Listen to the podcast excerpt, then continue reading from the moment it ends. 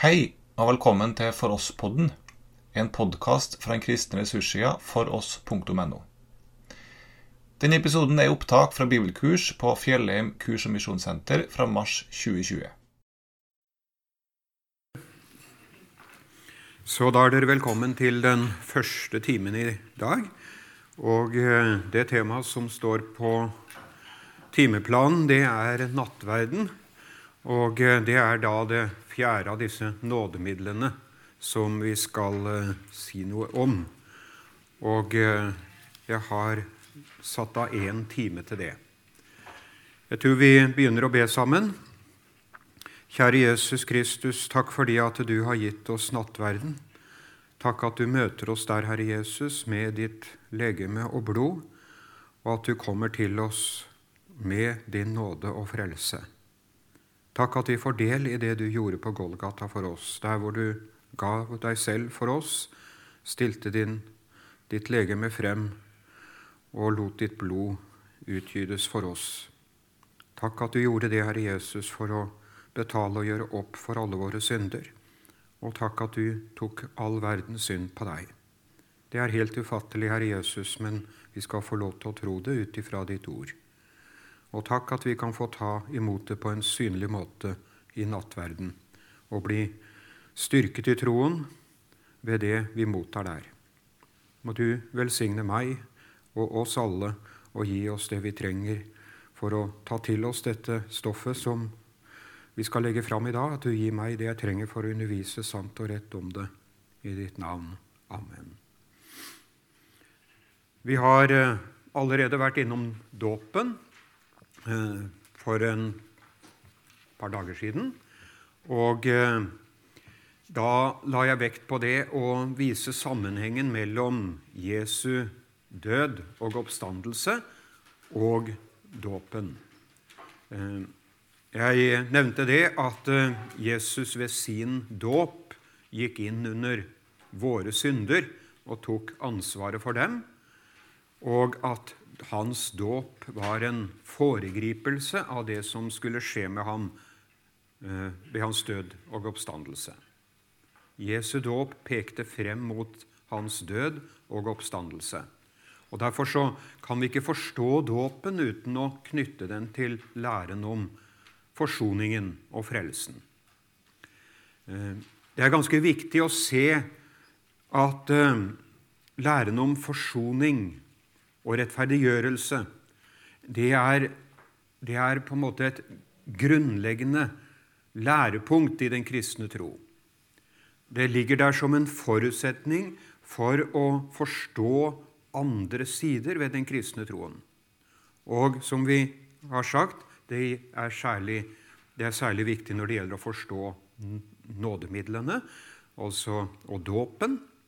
Jeg kan ikke tenke rett om dåpen uten å tenke og forstå det med utgangspunkt i forsoningslæren. Av og til så har jeg vel blitt møtt med den oppfatning at man, ja, at man taler for mye om forsoningen. Det kan kanskje tenkes at man gjør det. Jeg syns vel heller at man taler litt for lite om det. Men eh, men eh, at kan, det kan være en tendens av og til i vår tid til at en fristiller de forskjellige temaene i den kristne tro fra de helt grunnleggende tingene. Eh, men går vi inn i Skriften, så ser vi at eh, læren om forsoningen, Jesus' frelsesverk, den, den forplanter seg liksom ifra det ene dogmet til det andre. Og som sagt, det gjelder dåpen, og det gjelder enda mer og vel så mye ja, hva gjelder det mest for? Det gjelder like mye for nattverden. Jesus innstiftet nattverden rett før sin lidelse og død. Og det ble gjort veldig klart hva som er nattverdens hensikt. Det, en, det forkynnes et evangelium i nattverden. Og Det er et evangelium vi skal få lov å ta til oss. En som har beskrevet det sånn Nattverden er rent evangelium, sier han. For der sier jo Jesus Det står det i teksten, en av disse innstiftelsestekstene, eh, i Matteus 26. Mens de nå holdt måltid, tok Jesus et brød, ba velsignelsesbønnen og brøt det og ga disiplene og sa:" Ta, et, dette er mitt legeme. Og han tok et beger, takket, ga dem og sa:" Drikk av det alle, for dette er mitt blod, den nye pakts blod, som utgytes for mange til syndenes forlatelse. Det Jesus sier her, det er at han skal gi sitt legeme for oss. Han skal med sin kropp stille seg frem for Det høye råd og for den romerske landshøvding Pontius Pilatus, og han vet at han skal dømmes til døden. Han skal la all håper å si, hele menneskehetens ondskap skal oversvømme ham. Og med det så tar han også straffen og dommen over synden. Alt det som kom over menneskeheten som følge av det første menneskets opprør og fall. Alt det som mennesket har stelt til og som kommer som en følge av at det vendte seg bort ifra Gud og kom inn under Guds dom. Alt det lar Jesus komme over seg. Dette er mitt legeme, sier han først, og deretter kommer neste ledd i det som skulle skje med ham. Vi ser foran, for oss Jesus ikke sant, stå foran sine dommere. Hvordan han ble uskyldig dømt. Det blei sagt utallige ganger, holdt jeg på å si, at denne mannen er uskyldig. Pilatus sa det. Den, en av soldatene sa det. Etter Jesu død denne mannen er uskyldig. Han stilte seg frem og likevel så ble han dømt, og han gav sitt blod. Først stilte han seg frem, så ga han sitt blod, og han hadde forklart det på forhånd hva som var meningen med det. Og vi greier ikke å se til bunns i det, men Jesus sier det, 'Dette er mitt blod, som utgytes for mange til syndenes forlatelse. Det var meningen med Jesu død. Det skulle etableres et grunnlag for at vi kunne få oss forlatelse for våre synder. Og da måtte det kunne det ikke komme være noe med måtte, måtte alt dette til. Han gav sitt legeme han gav sitt liv, han gav sitt blod, for at vi skulle få syndenes forlatelse. Hvis vi leser litt lenger oppe i denne teksten i Matteusevangeliet om eh, hvordan Jesus eh, feiret påskemåltidet sammen med sine disipler, så ser vi at det, det rammes inn av, eh, av forskriftene som gjaldt for påsken.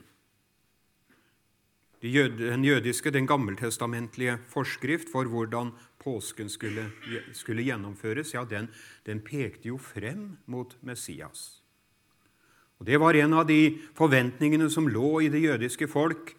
En av de rabbinske tekstene, der skal det visstnok stå omtrent som følger Messias kommer påskenatt. påskenatten. Det gjør litt inntrykk på meg å tenke på ordet natt. Da den mørkeste natt, kan vi godt si, senket seg i menneskets historie senket seg over Jesus. Da ga han da gjorde han i stand påskemåltidet for oss. Som jeg sa, vi kan lese litt ifra, fra teksten forut for selve innstiftelsen. På den første dagen av de usyrede brøds høytid kom disiplene til Jesus og sa til dem:" Hvor vil du at vi skal gjøre i stand for deg til å ete påskelammet? Og han sa, Gå inn i byen til en mann der og si til ham, Mesteren sier, Min tid er nær. Hos deg vil jeg holde påskemåltid sammen med disiplene mine. Og disiplene gjorde som Jesus hadde pålagt dem, og gjorde i stand påskemåltidet. Og da det var blitt kveld, gikk han til bords med de tolv. Hva ligger det i det at disiplene gjorde i stand påskemåltidet? Noen av dere har sikkert lest Sigurd Odland. Han har gitt ut en serie for mangfoldige år siden. For tenkende bibellesere, skrev han. Det var jo opp å si mellomkrigstiden vel, at flere av disse bøkene kom. Og eh, Der skriver han om hva det innebar at disiplene gjorde i stand påskemåltidet. Da fant de, eller kjøpte de, et lam, tok det med opp til tempelet. Der ble det slaktet, og ypperstepresten sprengte blodet på offeralteret. Så tok de det med seg, og så ble det beredt, og så skulle det spises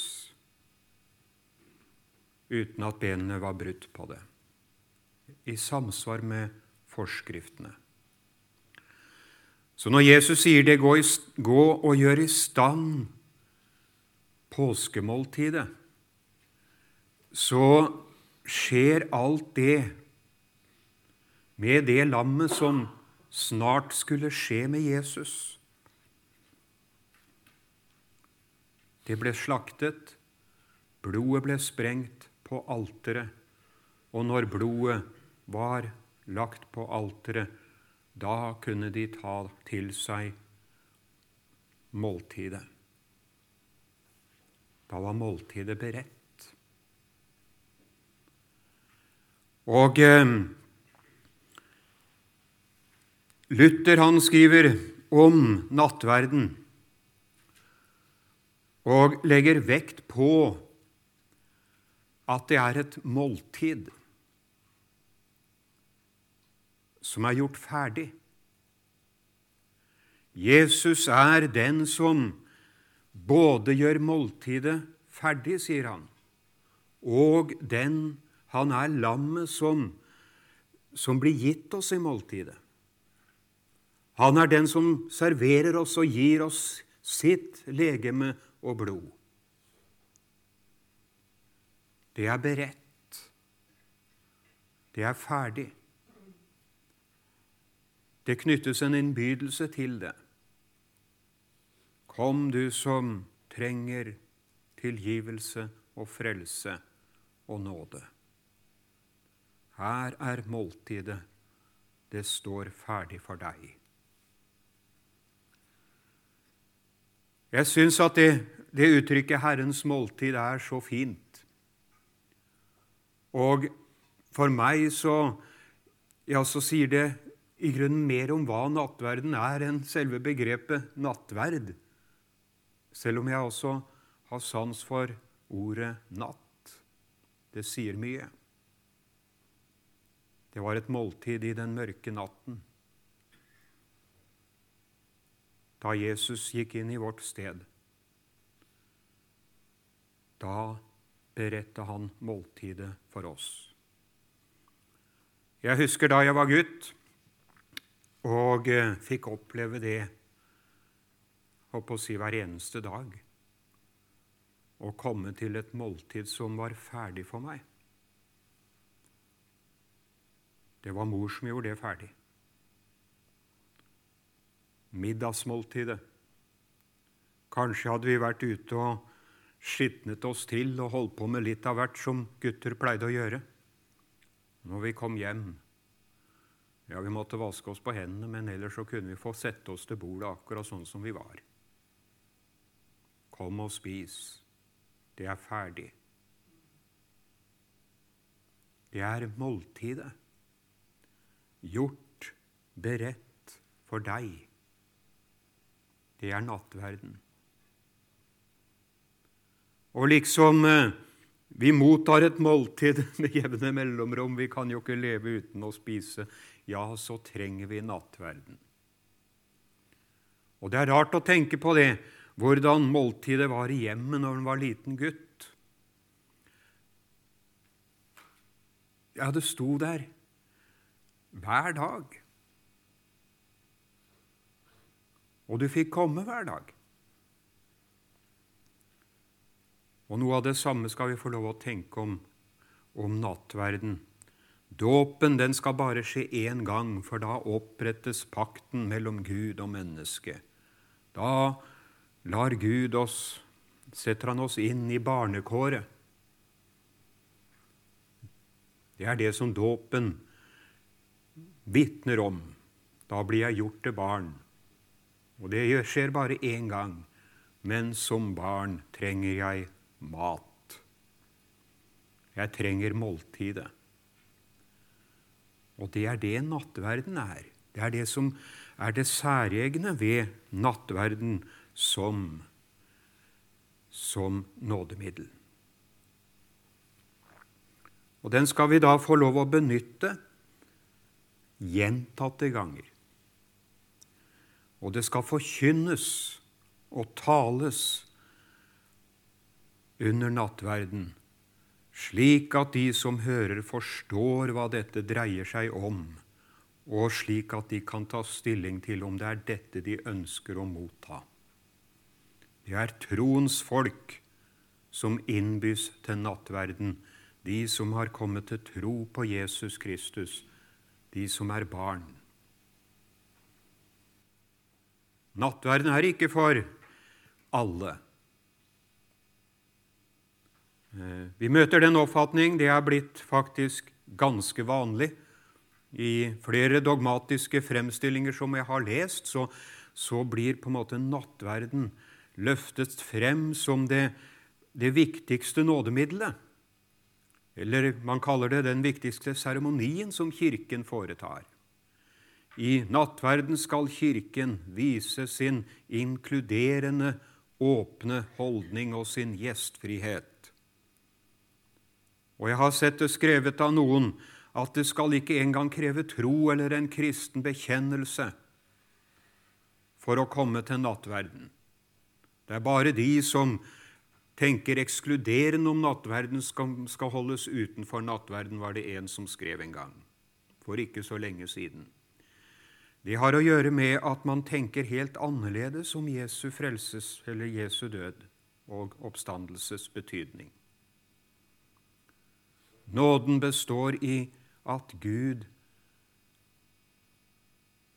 Ja, Gud bare er åpen og mottagelig. Det tales ikke om nødvendigheten av å tro på at synd må sones og betales og gjøres opp. Man kan gå utenom korset. Det er blitt mer og mer vanlig. Men det er ikke bibelsk. Nattverden er for troens folk. Og det må sies veldig tydelig. Det er eh, det måltidet Jesus har beredt for de som tror på ham og har tatt imot ham. Og Derfor så så er ja, nattverden den fører oss inn i fellesskapet med Jesus og inn i fellesskapet med de andre troende. Og det er en god ting å oppleve det. Men Guds folk i denne verden, ja, det er det noe sted hvor det er tydelig. Vil jeg tro, så er det jo nettopp i nattverden. Nattverden gjør det tydelig at det er et innenfor og et utenfor. Og den skal gjøre det. Guds folk er ikke verden.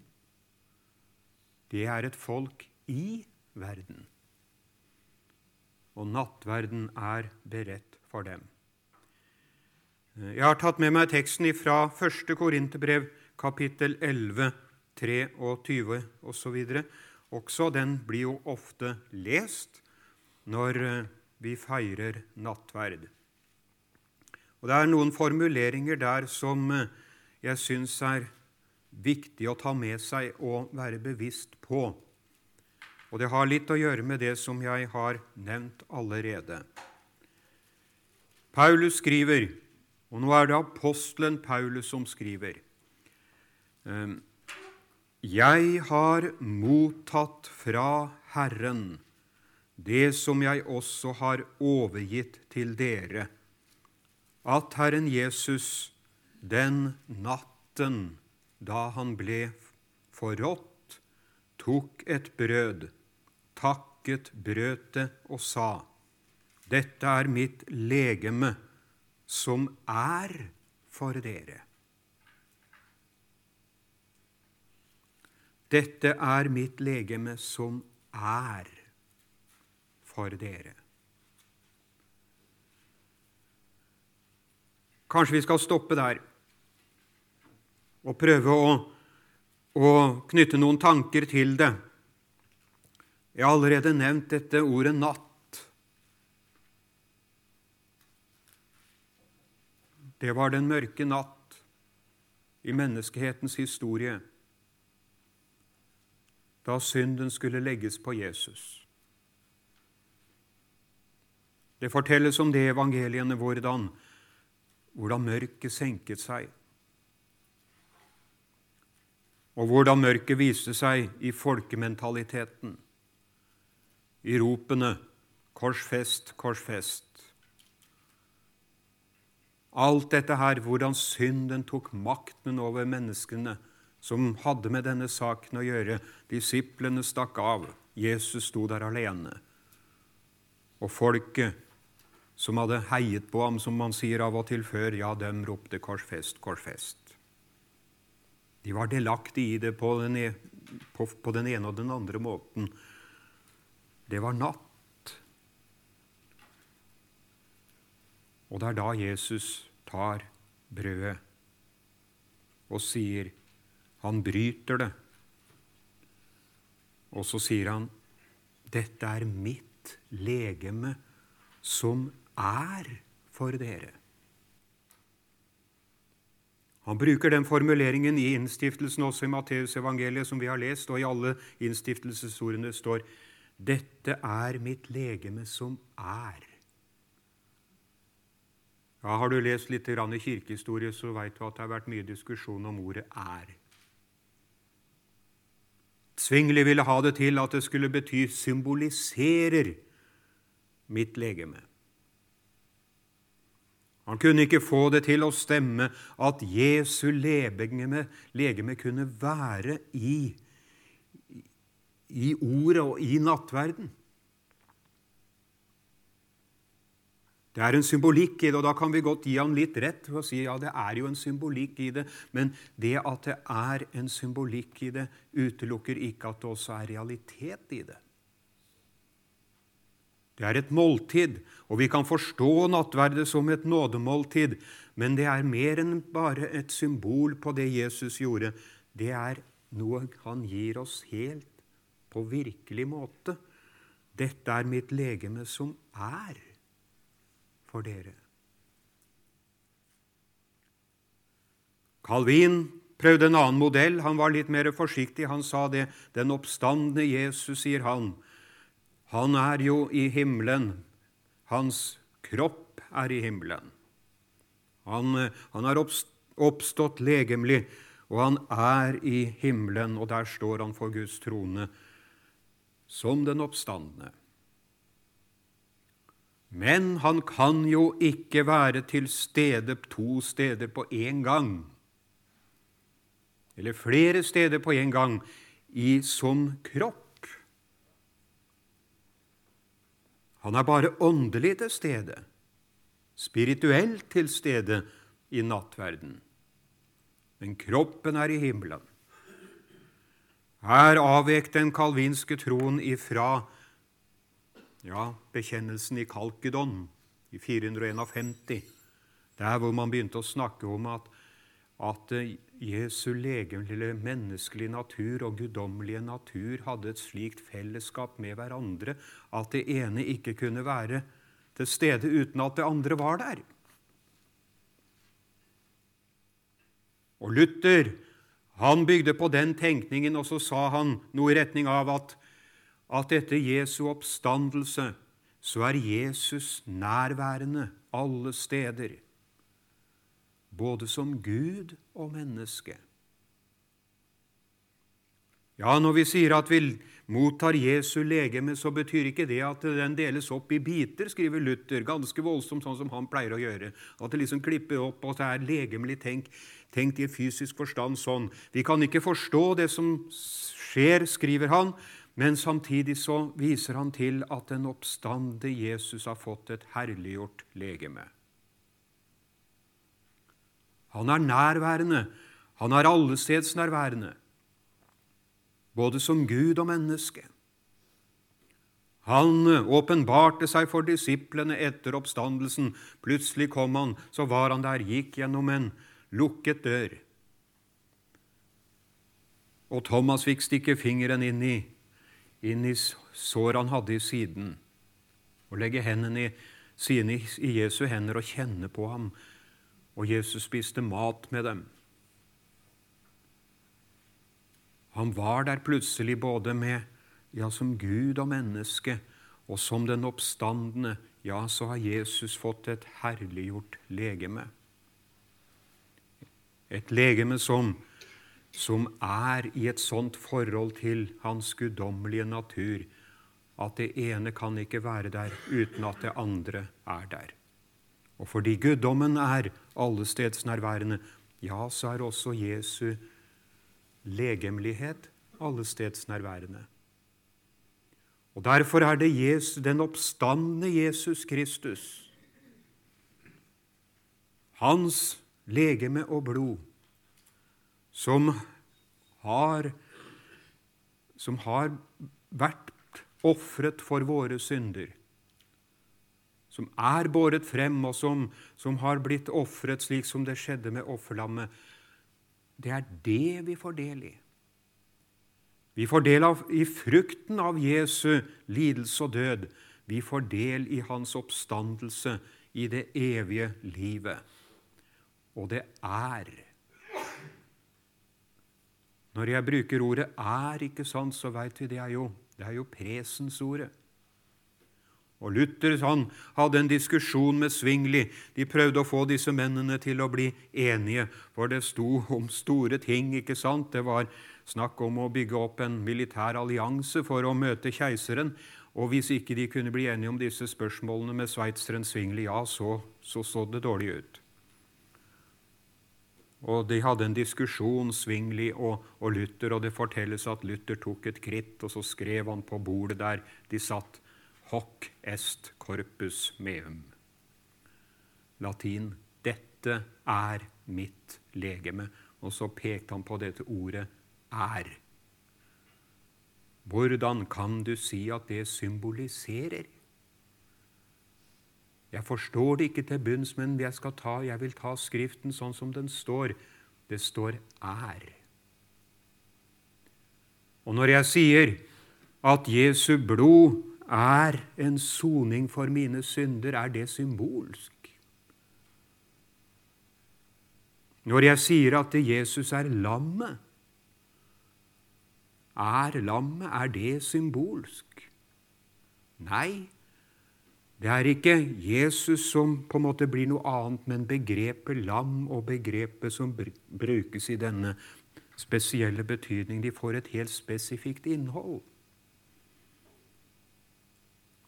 det er Jesu legeme og blod. Hoc est corpus meum. Og der sto Luther.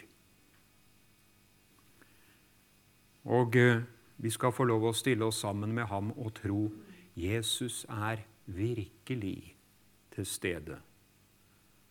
Jeg får del i hans oppstandelse, Og han er ikke bare til stede, tenker jeg da, som, ja, som legeme, som et dødt legeme, men han er der som den personen som har levd i denne verden og har prøvd i alle ting i likhet med oss. Han møter oss i nattverden både som den nådige Gud og som den, det mennesket som vet hva det er å være menneske. Jeg syns det er en oppbyggelig tanke. Er presens vedvarende i forhold til enhver tid er Jesu legeme gitt for oss. Dette er mitt legeme som er for dere. Ja, det gjaldt ikke bare Paulus og hans tid og den første kirkes tid, men det er fra tid til tid til tid også for oss. Gjør dette, skriver han videre, til minne om meg. Det har vært mye spekulasjon, eller i hvert fall vært en viss sånn tenkning om dette med det uttrykket 'til minne' om meg. Anamnesis står det på gresk, og det betyr ganske enkelt at vi skal tenke tilbake på noe. Um, og vi skal gjøre det i nattverden. Vi skal se tilbake på det Jesus har gjort for oss, og tenke at nå er det Jesus har gjort for oss, det er til stede mellom oss. Når vi minnes noe, ja, så tenker vi at det bare var noe som skjedde for lenge siden. Og det som er i fortiden, ja, det kan vi på en måte ikke bringe frem i vår tid av og til syns vi det kunne være greit, av og til syns vi det ikke er greit. Men, men, når vi minnes noe, så er det bare om fortiden. Men når det gjelder nådemiddelet, nattverden, så er det å minnes Jesu død og oppstandelse noe som bringer Jesus til oss. Og Det er noen eksegeter som som gjør litt ut av det at Paulus jo var en jøde, han var rabbiner. Og de har stilt spørsmålet hvilket ord er det som svarer til ordet, det greske ordet som er brukt her, minne. På hebraisk tsikaron, heter det visst.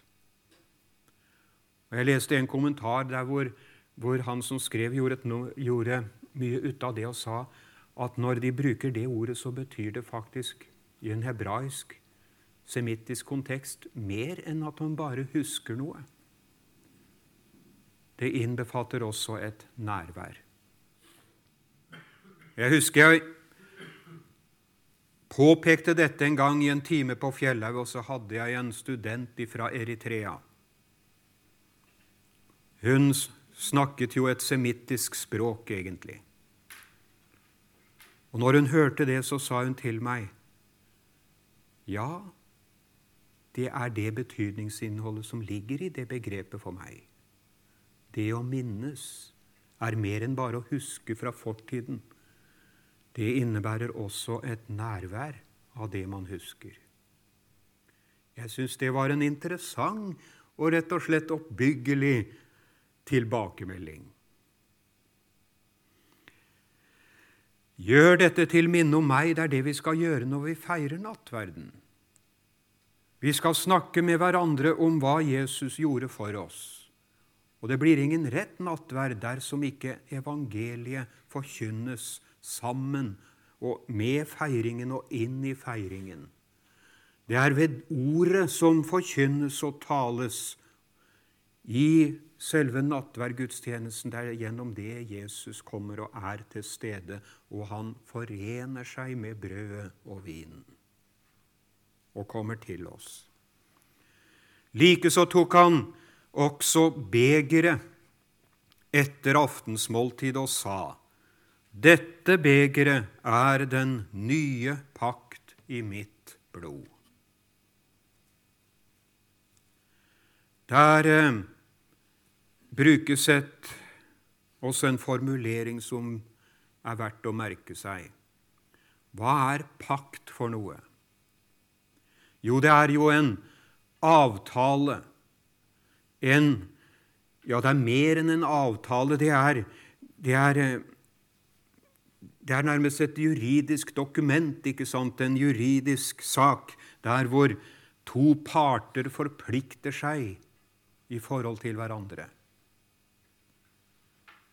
Vi kan gjøre avtaler, vi mennesker imellom, og så sier vi 'du gjør det, og jeg gjør det', og så, og så må vi forholde oss til de sjølve avtalen, pakten. Sånn var det vanlig å inngå pakter mellom folk. Det kunne opprettes en fredspakt på visse betingelser, og det har vi jo skjedd, sett skje i vår egen tid, ikke sant? Husker på Røykjavik for mange år siden, der hvor den amerikanske og den sovjetiske presidenten den gang gjorde en, ikgang, gjorde en avtale som fikk stor betydning for verdensfreden. Reagan og Gorbatsjov. Og det er lignende avtaler som er gjort på globalt plan. Her er det også en pakt som er opprettet mellom Gud og de som tror på ham, på Jesus Kristus. Den pakten er Ja, den, er, den hviler i Jesu blod. Forutsetningen for at denne pakten skal ha gyldighet og effekt og effektivitet, det er at Jesus har betalt med blod for våre synder. Og Derfor er det en pakt der Gud har gjort alt det som kreves det er en måltidspakt, der hvor han, måltidet, står på bordet.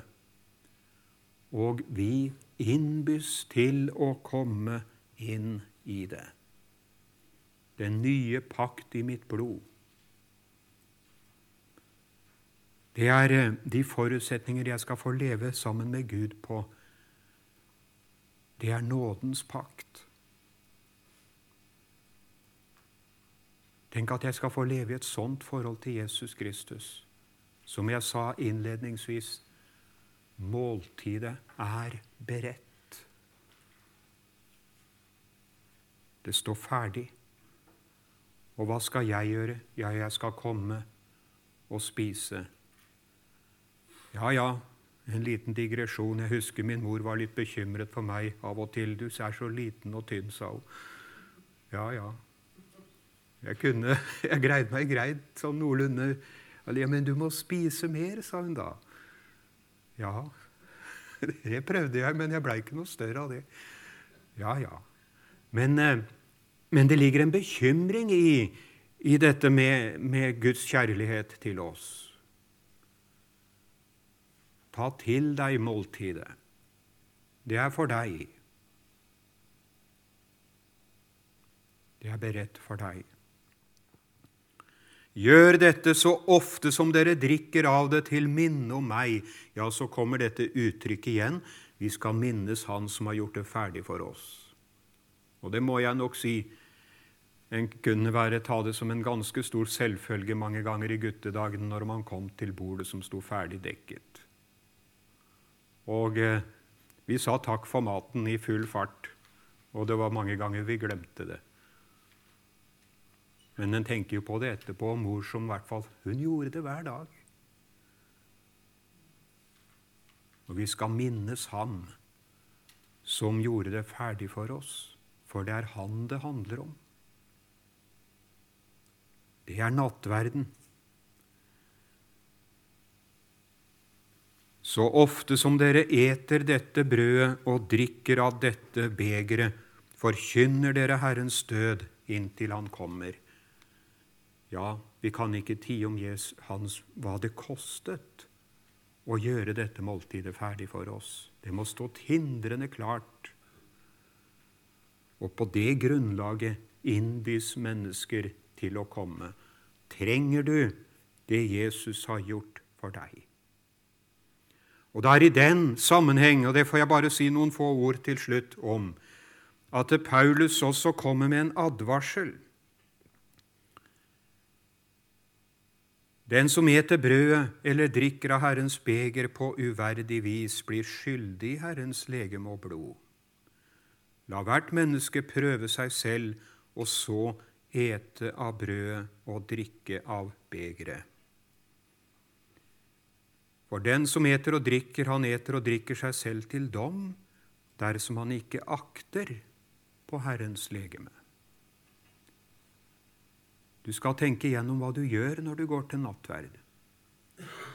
Du skal vite hvorfor du gjør det, og du skal stille deg selv spørsmålet Tror jeg det som forkynnes om nattverden? Trenger jeg det, og vil jeg ta imot det slik som det er beredt for meg? Anerkjenner jeg det som et nådemåltid. Der hvor jeg møter Jesus, og hvor jeg skal få lov til å bekjenne mine synder og ikke holde et forsvarstale for meg selv, mottar jeg det på de premisser som er satt tross alt. Jeg må komme med mine synder. Opp gjennom historien så har mange slitt med disse ordene. For det blei brukt, det er dette uttrykket 'uverdig'. Jeg sto overfor det i Peru mange ganger. Mange som oppfattet det som et adjektiv, altså som en egenskap. Jeg må være verdig til nattverden. Før så tror jeg nok kanskje det var flere som tenkte sånn Nei, jeg kan ikke gå til nattverd, for jeg er ikke verdig til det. Det er vel ikke så mange som tenker sånn lenger, men i Peru møtte jeg dem som tenkte sånn. Og da var det veldig greit å kunne si og bruke litt grammatikk, som en da er nødt til å lære når man skal studere teologi, og si at ordet 'verdig' her, eller 'uverdig', det er ikke et adjektiv grammatikalsk. Det er et adverb. Det beskriver en handling. Det handler om måten jeg gjør det på, ikke personlig verdighet. Og Derfor står det nå i denne oversettelsen det snakket om å ete og drikke på uverdig måte. Det hadde utviklet seg på feil måte i korintermenigheten, og vi kan ikke si så mye om det. Men det var noen som kom til nattverden på feil premisser. Og det skjer da virkelig i vår tid. Det er for å motta Jesu legeme og blod, synsforlatelsen. Og så tenker man jeg er ikke verdig til Du har nå hørt opptak fra bibelkurs fra Fjellheim kurs- og misjonssenter. Du finner mange andre opptak sånn med undervisning på foross.no. Og til dem som har det sånn, så kan vi faktisk si det er du som er velkommen til nattverden. Ikke hold noe forsvarstale for dine synder. Ikke prøv å gi deg ut for å være noe annet enn den du er, men kom til Jesus med det som tynger deg mest. Bekjenn det, motta syndstilgivelsen og vend deg bort ifra synden.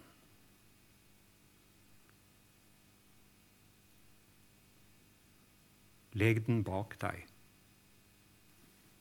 og tenk det som tynger meg mest, det har Han tatt seg av, sonet og betalt for. Takk, Herre Jesus Kristus, for ditt ord til oss. Be om at du må velsigne dagen som ligger foran oss. Takk at vi kan få tro at nattverden er det måltidet du har beredt for oss, og som du innbyr oss til, og som vi kan komme til sånn som vi er hver dag.